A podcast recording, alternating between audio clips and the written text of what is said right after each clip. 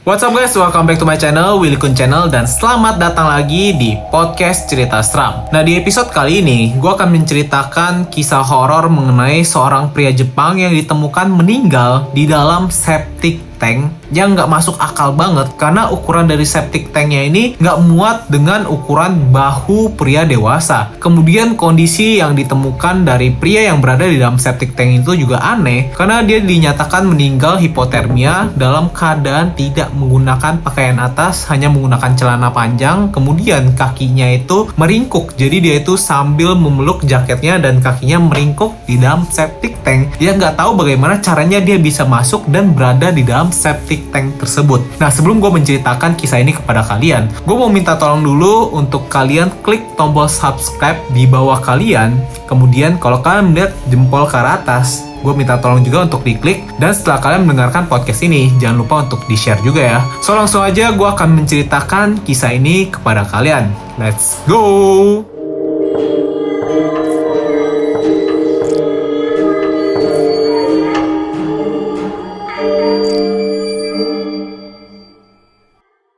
Kisah ini bermula pada tanggal 28 Februari tahun 1989, di mana seorang wanita bernama Yumi, yaitu yang bekerja sebagai guru di salah satu sekolah dasar di desa Miyakoji, Fukushima, Jepang, sedang berada pada pukul 6 sore. Pada bulan-bulan Februari itu, di Jepang itu sedang musim dingin, dan musim dinginnya tuh nggak main-main guys, karena ketebalan dari salju yang berada di luar itu sekitar 15 cm.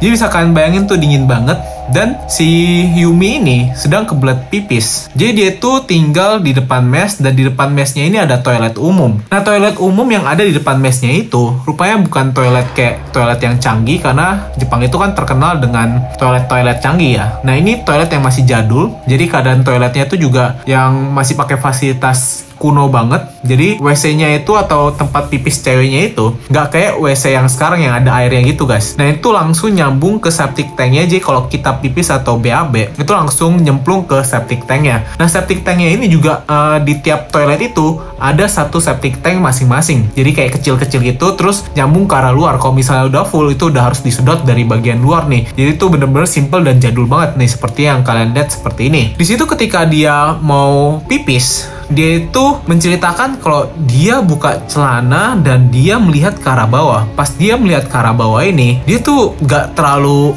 apa ya nggak terlalu curiga kayak ngerasa pipis biasa ya tapi pada saat itu tiba-tiba dia melihat ada sendal ngambang. Dan ketika dia perhatikan lebih dalam lagi rupanya di samping sendalnya ini ada wajah manusia. Nah pada awalnya dia kayak jangan-jangan dia kayak nggak ngelihat dengan benar gitu. Dia kucek-kucek matanya dan dia lihat beneran ini ada wajah seseorang. Atau mungkin pada saat itu dia berpikir ini adalah wajah hantu. Nah sontak pada saat itu dia langsung kaget dan dia berteriak. Dia bilang kaki kaki kaki kaki. Dan dia itu membuat orang-orang di sekitar toilet umum itu menjadi fokus kepada si Yumi ini dan mendatangi toilet itu. Akhirnya toilet itu langsung dihampiri oleh warga dan benar saja ketika warga memeriksa di dalam toilet itu terdapat sebuah kaki. Nah di situ pada awalnya warganya ini sempat mengambil stick kayu gitu dan mendorong-dorong kakinya ini dan kakinya itu udah nggak merespon lagi guys. Jadi di sini warga berpendapat kalau orang yang berada di dalam septic tank itu sudah dalam keadaan tidak bernyawa lagi. Anyway tadi gue lupa cerita ketika dia berteriak bahkan bahkan si Yumi ini sempat ngecek ke arah belakang septic tank.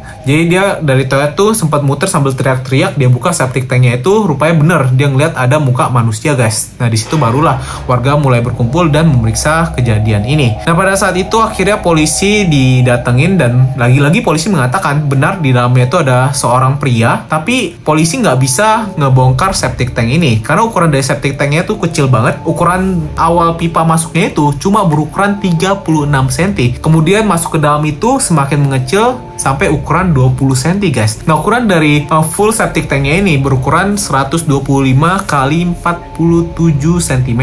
Jadi benar-benar ukurannya tuh kecil banget untuk manusia bisa masuk ke dalam septic tank berukuran seperti itu kalau diomongin bisa bisa tapi tubuhnya itu harus ditekuk-tekuk nggak bisa mulus langsung masuk seperti itu aja guys. Jadi ini benar-benar udah aneh banget. Nah di situ karena polisi nggak bisa uh, mengevakuasi jasadnya akhirnya tempat dijadikan TKP dan dipanggil petugas pemadam kebakaran untuk untuk mengeluarkan jasadnya ini. Nah jasadnya ini pertama-tama dilihat bener-bener petugas pemadam kebakaran juga kaget dan mereka berpikir nggak mungkin bisa mengeluarkan dengan cara kayak ditarik begitu saja. Jadi septic tanknya ini bahkan harus dihancurkan, dibobol, tanahnya itu dibobok, dihancurin deh pokoknya daerah situ untuk mengeluarkan jasad ini. Nah ketika dikeluarkan itu kondisi jasadnya itu udah sangat menjijikan sekali ya karena diperkirakan sudah berada di situ selama dua hari. Tubuhnya itu juga ditemukan dalam keadaan tidak menggunakan pakaian atas, hanya menggunakan celana panjang bagian bawah, sedikit meringkuk, kemudian memeluk jaketnya, dan sendalnya cuma ada satu. Sendalnya yang berada di samping kepalanya itu, sedangkan satu sendalnya itu entah ke mana. Nah setelah dilakukan penelitian dan olah TKP dan juga otopsi, rupanya polisi mengetahui pria yang berada dalam septic tank itu berumur 26 tahun bernama Naoki Kano. Dan Naoki Kano ini setelah diotopsi diketahui meninggal karena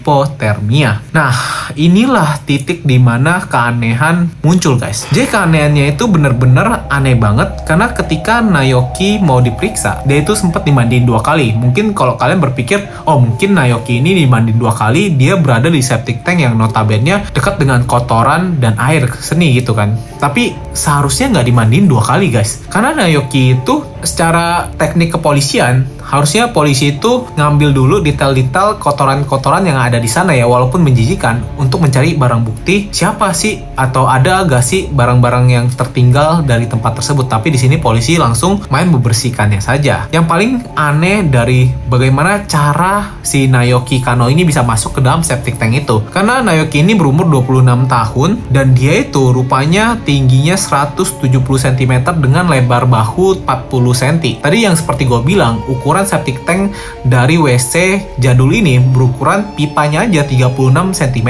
guys. Dan masuk lagi ke dalam itu berukuran 20 cm jadi untuk memasukkan Naoki ini ngomonglah secara sukarela atau secara paksa secara logika sih nggak mungkin ya guys ya. Secara logika sih nggak mungkin. Tapi polisi mengatakan kondisi dari jasad yang ditemukan si Naoki ini tidak ada tanda-tanda pemukulan nggak ada memar nggak ada pemaksaan. Bahkan bahunya itu juga kelihatan sangat normal sekali. Jadi polisi benar-benar dibuat kebingungan dari kasus ini. Bagaimana Naoki itu bisa masuk ke dalam? Dan anehnya lagi seperti yang tadi gue bilang di bulan Februari sebenarnya Jepang itu dalam musim dingin yang sangat dingin sekali. Bahkan tebal saljunya itu sampai 15 cm nggak masuk akal banget kalau dia masuk ke dalam situ dan melepaskan pakaiannya. Buat apa? Nah, di sini akhirnya setelah diselidiki beberapa saat, polisi tidak menindaklanjuti kasus ini. Padahal kalian dengar sendiri itu udah aneh banget kan? Polisi mengatakan kalau Naoki ini masuk ke dalam septic tank itu karena kecelakaan. Polisi menduga kalau Naoki ini masuk ke dalam septic tank itu karena dia memiliki kelainan kalau dia itu suka melihat wanita yang sedang buang hajat sambil pipis. Jadi dia itu masuk ke dalam untuk mengintip guys. Main belum sih maksudnya buat apa? Saking ngintipnya sampai masuk ke dalam septic tank gitu dan nggak ada tanda-tanda sama sekali kalau ada orang yang merusak atau berusaha masuk dari pintu masuk septic tank ini. Dan untuk masuk dari kloset depan tuh semakin nggak mungkin lah karena lubangnya itu sangat kecil guys. Dan keanehan lainnya yang tadi yang gue bilang dia itu harusnya nggak dimandiin dua kali. Ini udah melanggar peraturan banget. Nah, kemudian ada juga kelainan anehnya di mana sendal yang ditemukan dari Naoki ini yang tadi gue bilang, satu sendalnya lagi itu ditemukan di desa lain. Jadi nggak berada di lokasi sekitar tempat kejadian ini. Tapi pada akhirnya seperti yang tadi gue bilang juga, kasus ini ditutup dengan keadaan Naoki itu dikatakan meninggal karena bukan dihabisi oleh seseorang, tapi karena kecelakaan. Nah, setelah kejadian ini sebenarnya uh, penduduk Jepang yang berada di sekitar wilayah itu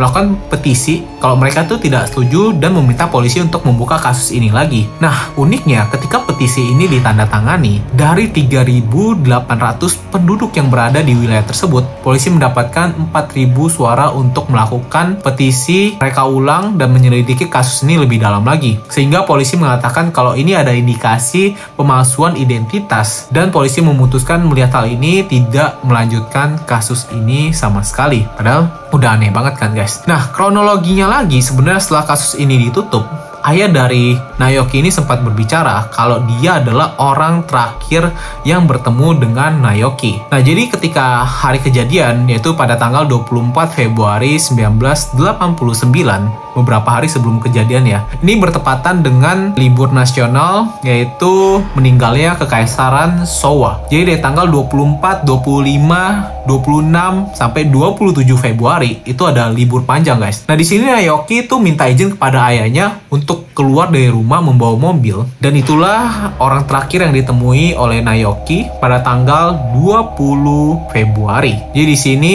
si Naoki itu minta izin dan dia itu keluar dan kemudian kalau kalian ingat satu nama yaitu Yumi yang menemukan Naoki ini. Rupanya setelah diselidiki Yumi itu kenal dengan Naoki dan dia itu punya pacar juga. Jadi mereka itu sering nongkrong ketika mereka selesai kerja. Nah anehnya kenapa Yumi bisa diduga ini sebenarnya pelaku? Karena pada tanggal 24 itu si Yumi juga bertepatan ingin pulang kampung. Dia tuh ingin pulang kampung dan akhirnya ke lokasi tersebut. Barulah akhirnya ketika si Yumi itu berada di lokasi tersebut pada tanggal 28, Yumi ini menemukan kondisi Naoki sudah berada di dalam septic tank tersebut. Dan polisi mengatakan Naoki sudah dua hari dalam septic tank tersebut, which is tanggal 26 dia itu sudah berada di septic tank. Ada beberapa hal yang aneh, kayak contohnya dari tanggal 20 sampai 26, Naoki itu pergi ke mana dan sedang apa. Karena kondisinya seperti yang kalian lihat, berada di dalam septic tank, dia juga ditemukan sendalnya berada di desa lain, dan satu keanehan lain lagi, mobil yang digunakan oleh Naoki ini berada di sekitar wilayah toilet tersebut dalam keadaan kuncinya yang masih menggantung guys. Jadi